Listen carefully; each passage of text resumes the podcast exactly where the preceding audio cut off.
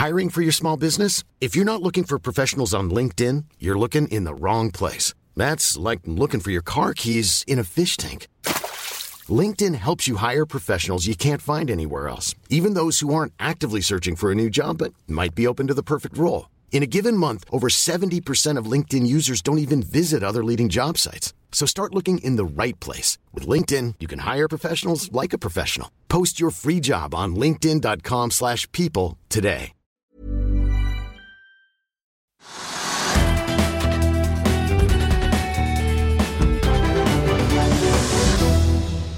En riktig god eh, tirsdag og velkommen til oss her i FA-TV. Mitt navn er Marius Lorentzen, og du ser eller hører på Økonominyhetene på denne 13. februar. Det vi nærmer oss slutten av dagen, preges nyhetsbildet av at amerikanske senatet akkurat har gitt grønt lys for en hjelpepakke til både Ukraina og Israel. Nå er spørsmålet om Representantenes hus også sier ja.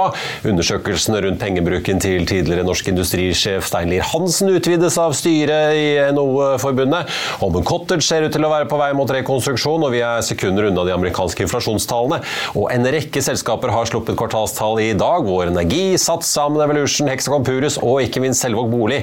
Vi har med oss administrerende direktør i Boligbyggeren, Sverre Molvik, om litt. Hovedveksten er jo litt ned i dag, da, etter den oppgangen vi endelig fikk i går, etter den sure uken vi så sist uke. Ligger nå ned 0,4% til 1245 poeng.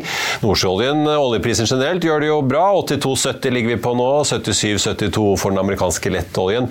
Vi har jo sett at vår energi har svingt litt rundt nullpunkt i dag. Ligger nå litt ned. Aker BP er ned nesten 3% Equinor ned drøye prosenten. og Det gjør det jo tungt for hovedveksten å holde hodet over vann i dag. Selv om Høg Autoliners og Frontline trekker oppover, så er aktører som Yara og Kongsberg Gruppen også ned. Rundt oss i Europa så er det rødt jevnt over alle de store indeksene. I Asia så så vi jo Japan tikke litt oppover i dag, men det kinesiske markedet holder jo da stengt for kinesisk nyttår, så der får vi ikke mye impulser inn. Futuresene på Wall Street eh, har vært en god del eh, ned i eh, forkant. Vi skal se hvordan de utvikler seg litt utover dagen, nettopp pga. inflasjonstallene som vi venter på er såpass avgjørende. I går så vi at Dow Jones National Average satte ny rekord, mens de to andre indeksene var noe ned. Men der skal man jo ikke bare også fordøye inflasjonstall, men Wall Street skal også ta unna resultatene som har kommet fra selskaper som Coca-Cola. Vi får også Lyft, Airbnb, Marriott og også lekeprodusenten Hasbro i løpet av eh, dagen. Noen nyheter ellers det er verdt å eh, merke seg i dag. Vi har en liten milepæl får vi si, i offshorenæringen. Finansdirektøren i Doff, Hilde Drønen, går nemlig av i løpet av året. Hun har altså vært finansdirektør i Doff siden 2005. Og det er investorkontakt Martin Lundberg som etter planen skal ta over stillingen når Drønen gir seg, etter da får vi si to tiår i offshorerederiets tjeneste. På varehandelsfronten så melder Dagens Næringsliv at Tommen Cottage er på vei inn i rekonstruksjon, eller da den norske Chapter 11 om du vil. Gründer og daglig leder Øyvind Tidemansen, som jo mange husker fra oppbyggingen av XXL, sa til avisen forrige måned at Homme Cottage ikke ville ha nok likviditet til å komme seg gjennom 2024, så åpenbart så er det Home Cottage en aktørene som merker press i varehandelen ganske hardt. Vi har jo sett andre aktører som elektroimportøren eh, melde at de er i forhandlinger med hovedbanken sin DNB. Maxbo permitterer, mens andre som eh, bl.a. Europris og Kid ser ut til å klare seg bedre, så det er jo en sektor vi følger med på. Oljegiganten Vår Energi ute med tall i dag og melder om en ny forsinkelse i prestisjeprosjektet Balder X, som jo sammen med da Equinor-drevne Johan Castberg-feltet i Barentshavet blir de to store milepælene milepælene som skal komme i produksjon i år. Balder X nå skjøvet fra tredje til fjerde kvartal, og alt er avhenger da om eh, denne FPSO-en Jotun kommer ut fra Rosenberg verft i Stavanger i tide før høst- og vinterstormene setter inn. Resultatet ellers noe ned i Vår Energi, mye drevet selvfølgelig av nedgangen i olje- og gassprisene fra samme periode i 2022.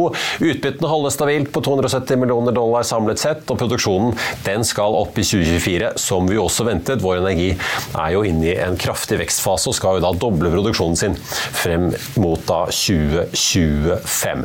Sats gjør det veldig bra, får vi å si. Den aksjen eh, opp har eh, svingt litt, da, men den ligger jo opp mellom 5 og 7 i dag. Nå 5,3% opp. De hadde en tung tid under pandemien, men vi ser der nå at underskuddet de hadde på rundt kvartmilliarden i 2022 er snudd til tilsvarende overskudd i 2023, og omsetningen er også en ny rekord ifølge treningssenterkjeden selv. Det ble også teknisk analyse av den aksjen litt uh, senere.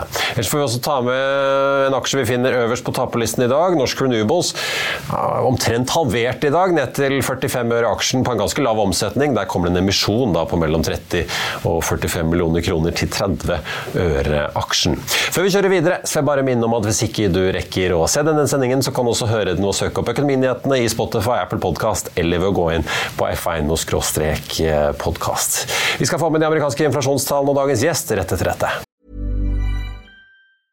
I'm Sandra, and I'm just the professional your small business was looking for. But you didn't hire me because you didn't use LinkedIn jobs. LinkedIn has professionals you can't find anywhere else, including those who aren't actively looking for a new job but might be open to the perfect role, like me.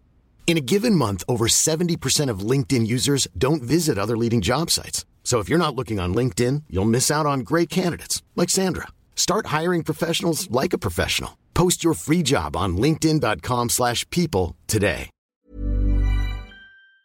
I'll see you in court. Vi sier det ofte litt på spøk, men for deg som driver business, er det aldri moro å innse at du ikke har laget en 100% gyldig kontrakt. Du bør ikke risikere hele firmaet ditt fordi du synes dette med kontrakter er litt stress. En avtale er ikke en avtale. Du kan miste kunder, miste venner, ja, til og med miste inntekter om du ikke lager en skikkelig kontrakt, på alt mulig, egentlig.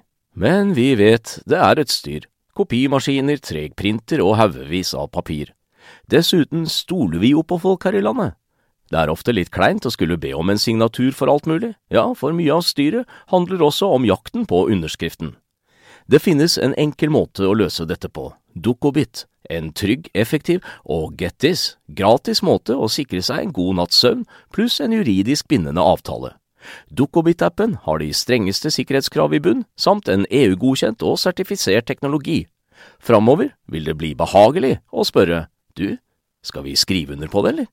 Kom i gang på dukkobit.no. Da skal vi eh, ta unna de ganske viktige amerikanske inflasjonstallene som veldig mange følger med på, nettopp fordi det er en såpass viktig faktor inn mot rentesettingen i Federal Reserve. Det var jo da ventet at den amerikanske inflasjonen skulle falle fra desember til januar, da fra 3,4 til 2,9. Vi klarte ikke å komme oss ned under 3. Endte på 3,1 kjerneinflasjonen, som da i USA uten mat- og energipriser, i motsetning til her hjemme, hvor det er eh, energi og avgifter. Den var altså ventet å eh, falle ned fra 3,9 til 3,7. Endte på uendret 3,9% Vi ser at uh, futuresene har uh, hentet seg noe inn, i hvert fall på Wall Street. Så får vi se hvordan det åpner uh, nå om en snaue 50 minutters tid. Selvåg bolig løftes også av sine kvartalstall i dag, litt som Sats. Selv om de ikke hopper like høyt som Sondre Gravir og co., så er det i hvert fall en pen oppgang, har vi sett tidligere i dag. Selvåg bolig doblet inntekten i fjerde kvartal og har nå tro på bedre markedsforhold i tiden fremover. Vi er jo veldig spent på å høre hvordan boligmarkedet utvikler seg, og ikke minst også hva som skjer internt i butikken. For det er jo ikke sånn Sverre Målvik, at det som skjer i boligmarkedet akkurat nå, nødvendigvis korrelerer akkurat nå med hva som skjer internt i en eh, boligbygger. Det er jo litt sånn tidsforskyvning der. Velkommen. Takk, takk. Det at det såpass eh, det tilsynelatende virker å gå såpass bra, er det fordi at dere opererer nå egentlig basert på et salg for en gitt tid tilbake, da, eller? Ja, det er riktig. Vi leverer jo tall etter IFRS, som det heter. og Det betyr at man får resultatene når det overleveres. Og mye av det som vi har overlevert i dag, er jo solgt for et par år siden, eller mellom ett eller to år siden og nå, da. Ja. Eh, så, eh, og byggekostnadene også er jo eh, inngått for et par år siden, hvor det var en lavere entreprisekost. Så det er korrekt. Men vi guider jo også på løpende avregning, da. Så, ja. så, det er jo positive tegn der også. Så det er jo positive resultater på Ja, for skal vi si litt fordi dere, dere, vet jo litt av hva som ligger, og de entreprisekontraktene dere tross alt har inngått siden, så vet dere jo litt hvordan kostnadsutviklingen uh, blir. Når vi nå vet hvor labert det nyboligsalget er, det hører vi jo fra Boligprodusentenes forening bl.a. Hvor tøft blir det da med et år eller to i regnskapet ditt, og faktisk på en måte også på bakken, når dere faktisk da skal ta ned, vil jeg anta, utbyggingsvolumet ganske mye? Ja, du kan si at Det som skjer, er jo at det er jo en skvis på Eh, kostnadssiden er jo relativt høy, selv om den har falt ganske mye fra toppen. Fra det høyeste punktet som var sommeren 22, så har byggekostnadene kommet ned mye. Men fortsatt vesentlig høyere enn det de var før krigen. Det betyr jo at du får en skvis på marginene våre også, all den tid at inntektssiden har jo ikke vokst like mye som kostnadssiden. Nei. Når det er sagt, så er det fortsatt nå rom for å starte flere prosjekter enn det vi har sett bare for et år eller to siden. Da. Slik at det er mulig å komme i gang med langt mer nå, og vi kommer til å legge ut flere prosjekter fremover. Og så blir nok ikke lønnsomheten like høy som det den historisk har vært, men den blir fortsatt god, da, som vi viser, som vi viser i dag, bl.a. Ja, for det, hvis man ser på nå, dere betaler en krone i utbytte da for andre halvår, så det blir jo to kroner totalt da for 2023 mm. i utbytte, men driftsresultatet er jo grått regnet doblet. Omsetningen også veldig mye opp fra snaue 700 til 1,25 milliard omtrent. Er det KPI-justering når folk da kjøper leiligheter eller hus i forkant? Er det bare KPI-justering, eller er det ingen justering på salgsprisen? Ingen justering på salgsprisen, men vi låser jo byggekostnadene. Så vi, vi inngikk jo veldig mye totalentreprisekontrakter før krigens start, eh, inklusive lønns- og prisstigning. Dvs. Si at vi betaler ingen inflasjonsjustering på entreprisekost. Eh, men vi tar heller ingen KPI fra kundene våre, men vi skrur jo opp prisene underveis som prosjektet skrider frem, og nærmere ferdigstillelse. Eh, slik at vi tar ut markedspris eh, av markedet. Da. Og det har jo vært relativt godt også nå i de siste par årene, selv i fjor, pga. lav tilbudsside, særlig i Oslo og f.eks. Bergen. Da. Og Stavanger også har begynt å komme seg. Slik at man har klart å holde pris, og kanskje til og med høyere inntektsside f.eks. i Oslo enn det man hadde for to år siden. Men Si litt om kostnadsutviklingen. for at Du sier at den har kommet ned, men antall lønnskostnadene har vel ikke falt, vil jeg tro? Og antallet timer som du må regne inn i et prosjekt, er vel relativt stabile. Ja. Er det da materialene som har kommet mye Nei. ned, eller sånn jevnt over, eller? Nei, jeg kan si Materialene og eller innsatsfaktorene har jo egentlig steget, eh, både på lønn og selve materialkosten pga. energikost osv. Og, og så er det det med når lagrene med materialer blir fulle og um, man brenner inne med det, så vil jo da de som har disse eh, materialene på lager, ville selge ut de til lavere priser enn de ellers ville gjort i et sunt marked med, med høy etterspørsel. Og det samme gjelder jo for hele entreprenørleddet. Så du får en, egentlig det vi ser nå, at byggekostnadene har gått ned, skyldes egentlig margin, lavere marginer i hele verdikjeden. Ja. Selv om innsatsfaktorene egentlig ikke skulle tilsi at det blir eh, billigere, så blir det det. Så KPI f.eks. vil sannsynligvis ikke matche med det jeg sier. Da. KPI er sannsynligvis opp siste år, mens byggekostnadene er mye ned siste år pga. det at marginen ikke tas inn i KPI.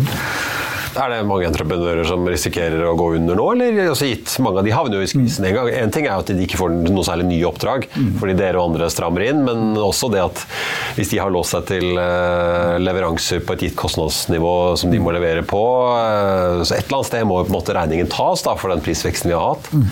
Helt riktig, og det er klart at det, det, er, det er jo som du sier at det er mange som blir skviset veldig nå, uh, og veldig mange som ikke får noe å gjøre i all den tid at vi byggestarter under halvparten av det vi gjorde gjorde for et år siden, så blir det selvfølgelig halvparten så mange egentlig i teorien som har jobb. Eh, så det er jo et, et, eh, en skummel utvikling, og særlig med tanke på at vi kan miste kompetanse fra bransjen og at man går over f.eks. i oljesektor eh, istedenfor å jobbe i byggebransjen. Som jo gjør at det blir mer press igjen når markedet snur. Ja. Ja, for det ikke, Henning Lausen er jo en uh, høy stemme som roper på en måte varsko om hva som kanskje kommer om et par år eller noe sånt. Hvis mm. det nå bygges veldig lite, så blir det veldig lite, eller få nye boliger inn i markedet om et par års tid. At prisen da kan spinne helt ut av kontroll omtrent. Ja. Uh, er det noen måte å unngå det på? på en måte Passe på at ikke for mange entreprenører går dukken underveis? Og Eh, den måten man kan passe på det her, er å sørge for for det første å ha en mer jevn eh, reguleringstakt i de store byene. Og eh, sørge for at f.eks. at man lemper opp på boliglånsforskriften, på unntakskvoten på boliglånsforskriften, så flere som vil kjøpe bolig, får kjøpt bolig. For det er mange som vil kjøpe bolig, og det er veldig mange som ikke får finansiering pga. stresstest og fem ganger inntektskrav. Og det er ikke alltid det er like hensiktsmessig dersom man har f.eks. en høy utdannelse og en stor lønnsutvikling da, i tidlige år, så burde kanskje flere få lån og kjøpe bolig. og og, sånn sett byggestarte mer. Eh, for det er det som skal til nå. er er blant, må få, opp, eh, må få høyere, høyere, priser for boligene, samtidig som byggekostnadene må holde seg en stund for at man skal byggestarte nok.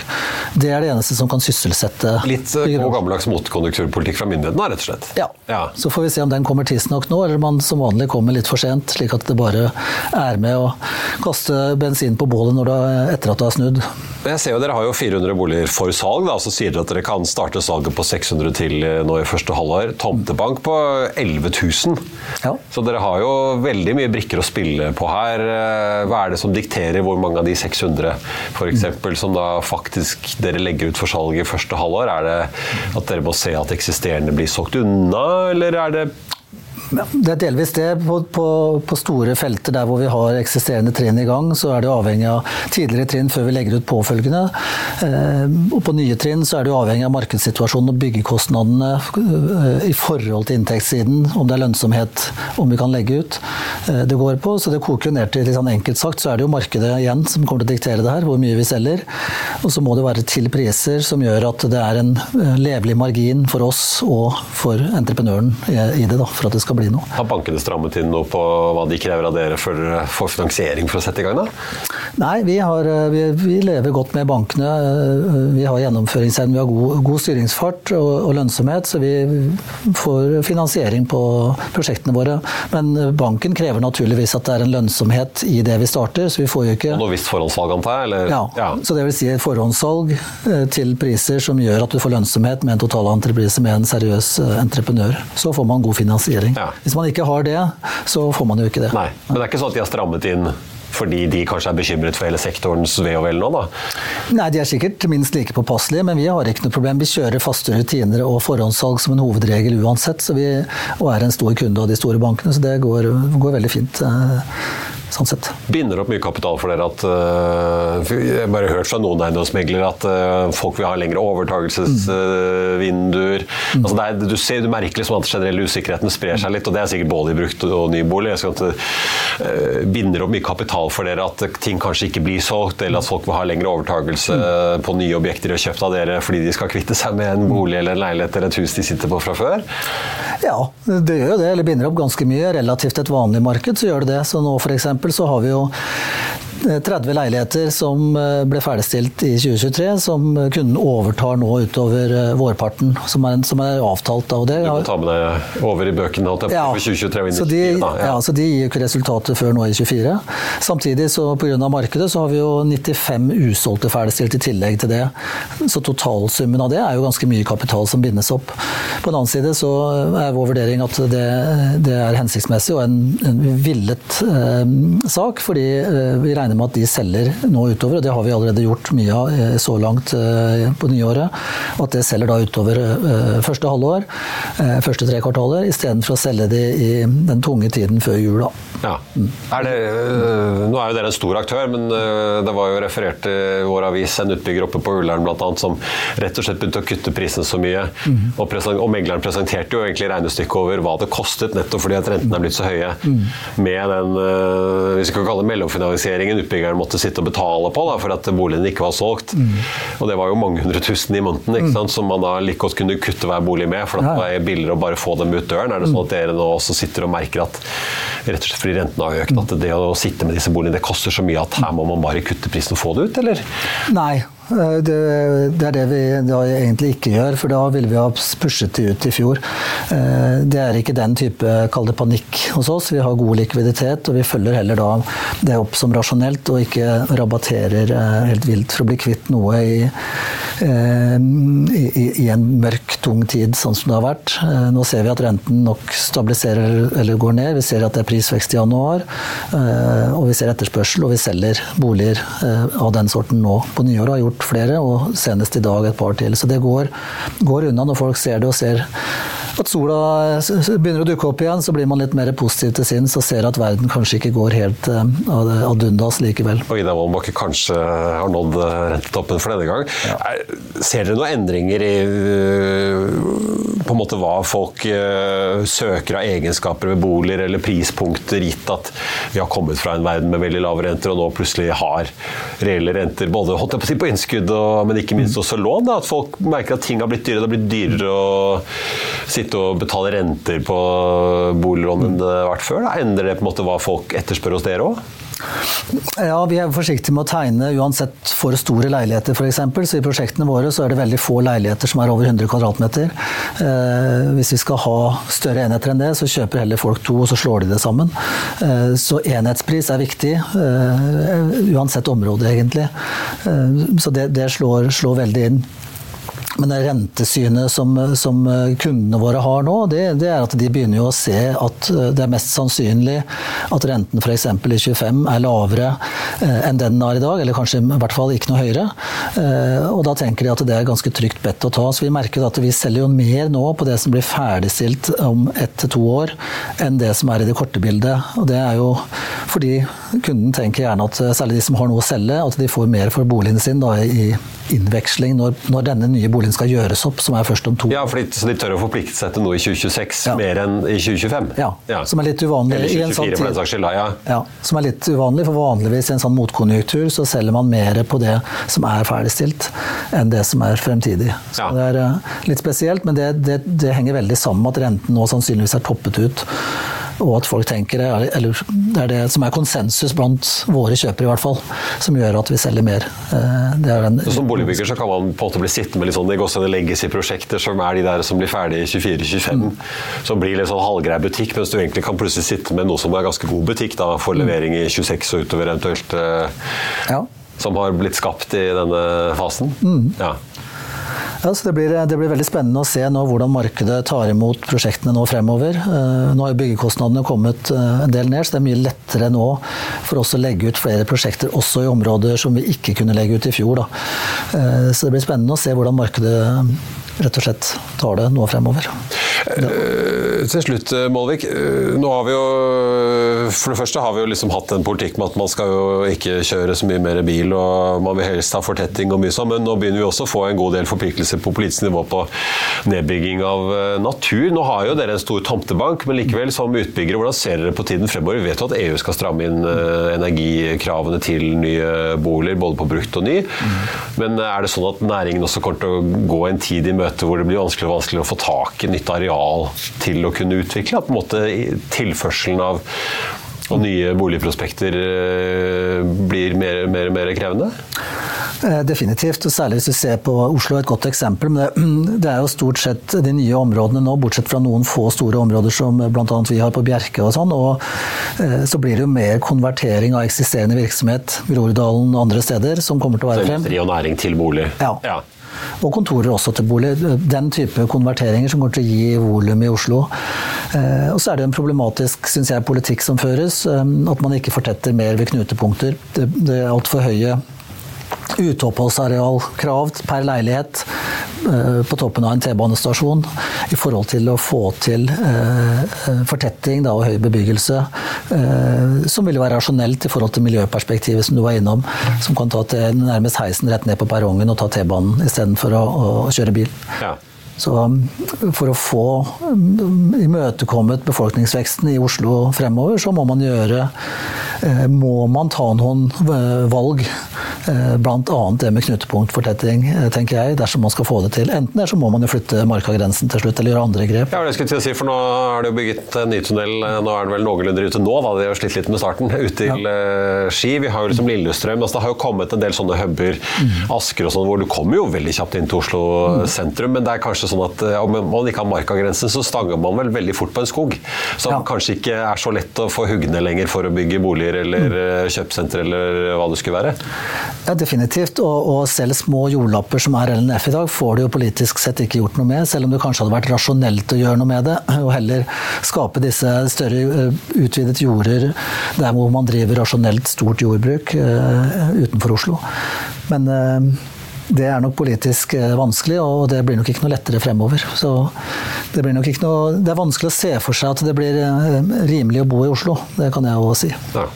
Eller Bergen, for den saks skyld. Eller Bergen, for den saks skyld. Eller Stavanger. Nå virker det som prisen der eh, og på Sørlandet har gått bra med oppturen i oljenæringen. Ja. Du, til slutt uh, fikk man jo to kroner aksjen da, som Selvåg boliginvestor uh, i året som har gått. Det at dere nå går inn i en tid da hvor åpenbart IFRS-regnskapene sikkert kommer til å merke mer at dere har vært gjennom en krevende salgsperiode nå i det siste i næringen. Hva kan man forvente som investor i Selvåg bolig fremover? Klarer dere å opprettholde utbyttenivået, eller må det implisitt ned, gitt Eh, volumnedgangen som også ligger inne her?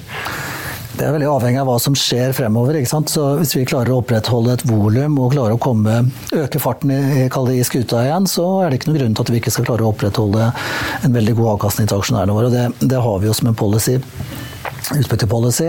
Og vi har dette samarbeidet med Urban Property, slik at vi slipper å binde kapital eh, i stor grad egne, til tomtekjøp i egen balanse. Så vi eh, jobber jo for det, og så må jo markedet være med. og Vi kan jo ikke gjøre alt eh, det vi skal gjøre. Vi kan gjøre alt innenfor de rammebetingelsene som markedet gir. og Det eh, være seg byggekost, inflasjon og hva som skjer med krig og elendighet som gjør at de tallene påvirkes, skal jo ikke vi påvirke. Men jeg tror eh, alt ligger til rette, til rette for at det blir bra fremover. Eller bedre enn det har vært. Og det har jo ikke vært så gærent. Så det er bra. Er, eh, hvis man spør sjefen i boligprosenten, så har det vært ganske svarte natta. i hvert fall. Ja, det har det. Sverre Målvik i Selvåg Bolig, tusen takk for at du kom til eh, oss. Så får vi jo få si det, det er i hvert fall hyggelig at noen bidrar til at Kopien kommer litt ned for SSB og Norges Bank etter hvert. Jeg nevnte jo at Sats har gjort det veldig bra i dag etter sine kvartalstall. Kollega Stein Ove Haugen har sett nærmere på Sats-aksjen teknisk. Bare se her.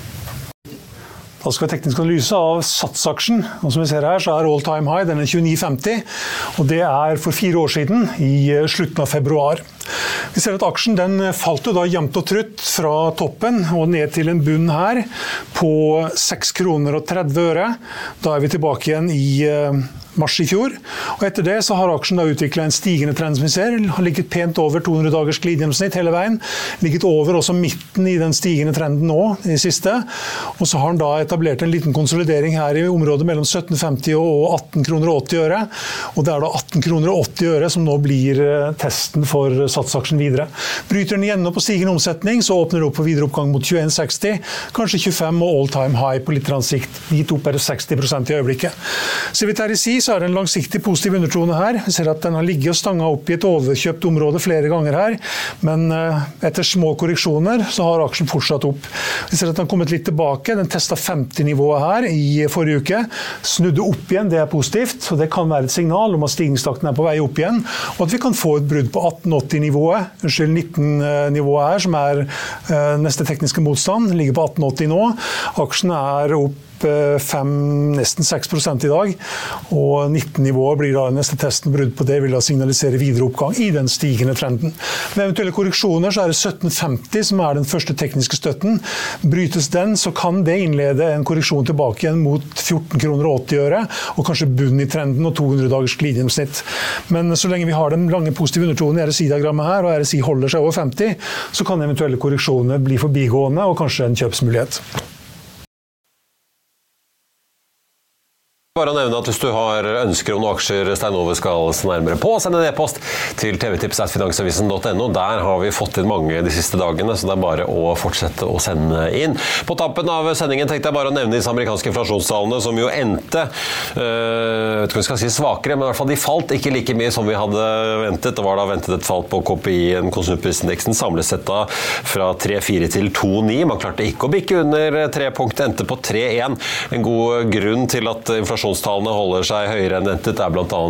den gode gamle shelter-kategorien, eller da får vi si boligkostnadene og leveoppholdskostnadene, som ser ut til å være litt seiglivet. Kjerneinflasjonen, som er da x mat og energi, faller, fra, faller ikke, unnskyld, var ventet å falle 3,9 til 3,7, endte flatt på 3,9. Vi ser at futuresene på Wall Street har falt en god del nå. Nå ligger Nasdaqen ned halvannen, mens SMP ligger ned drøy prosenten, så det ser ut til at vi får en negativ start da, når handelen er i gang på Wall om en drøy halvtimes tid. Et par og 30 minutter for å være helt nøyaktig. Det har jo vært en voldsom driv i det amerikanske markedet den siste tiden, og det har jo steget flere uker på rad nå i det nye året. Men det kan jo være da at en seigere inflasjon enn ventet kan ødelegge stemningen. Det kan jo tyde på at det ikke kommer så mange rentekutt som mange kanskje hadde håpet på.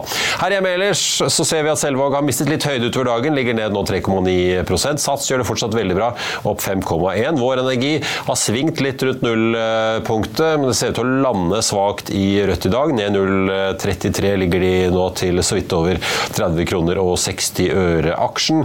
På veldig godt omsatt, får vi jo si. Aksjen er da ned på resultatene, og også meldingen om at Valder X-oppstarten, dette store oppussingsprosjektet på norsk sokkel, blir utsatt et kvartal til, får jeg si, fra tredje til fjerde kvartal.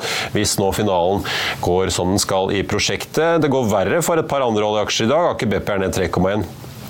Sliter litt. Vi har sett Equinor ned over prosenten. Nå har de hentet seg litt inn, men ligger fortsatt ned 0,8, altså verre enn Vår Energi. Hovedindeksen eh, ligger fortsatt ned da. Vi så jo grønt tidligere i dag, men vi ligger ned kvartprosenten nå etter en oppgang da i går, med en oljepris på 82,20. Ellers eh, så er det jo flere som har sluppet tall i dag. Salmon Evolution er vel de som bl.a. Eh, utpeker seg negativt, ned 5,2 der. Og så skal vi også bare slenge med Hexagon Purus på tampen aksjen. Den aksjen ligger ned snaue 3% nå på deres kvartalsrapport, med en eh, økt omsetning, men et forverret resultat da, til spin-offen fra Hexagon Composites. I Finansavisen i morgen så kan du etter helgens bruduller i Trøndelag Arbeiderparti lese Trygves leder om et flott Giske-show. Du kan lese hvorfor Theodor Sven Nilsen i Sparebank Markets roper varsko om kriseavkastningen i en Equinor-satsing. Du kan lese om eh, Sats som har kvittet seg med gjeldsspøkelset. Det blir mer om energitallene, selv og boligtallene kvartalene og andre kvartalsrapporter er verdt å merke seg. Det var sendingen vår på den eh, hendelsesrike tirsdag 13.2. Vi håper å se deg igjen i morgen tidlig når vi er tilbake med Børsmorgen 08.55. Da får vi med oss analysesjefen i Carnegie, Johan Strøm. Og så blir det Økonominyhetene 14.30. Da får vi med oss sjefen i Ultimovac, som kommer med tall i morgen og har noen viktige milepæler i biotekselskapet utover i året. Siste nytte får du som alltid på FA.no. Ha en riktig god tirsdag alle sammen. Vi ses.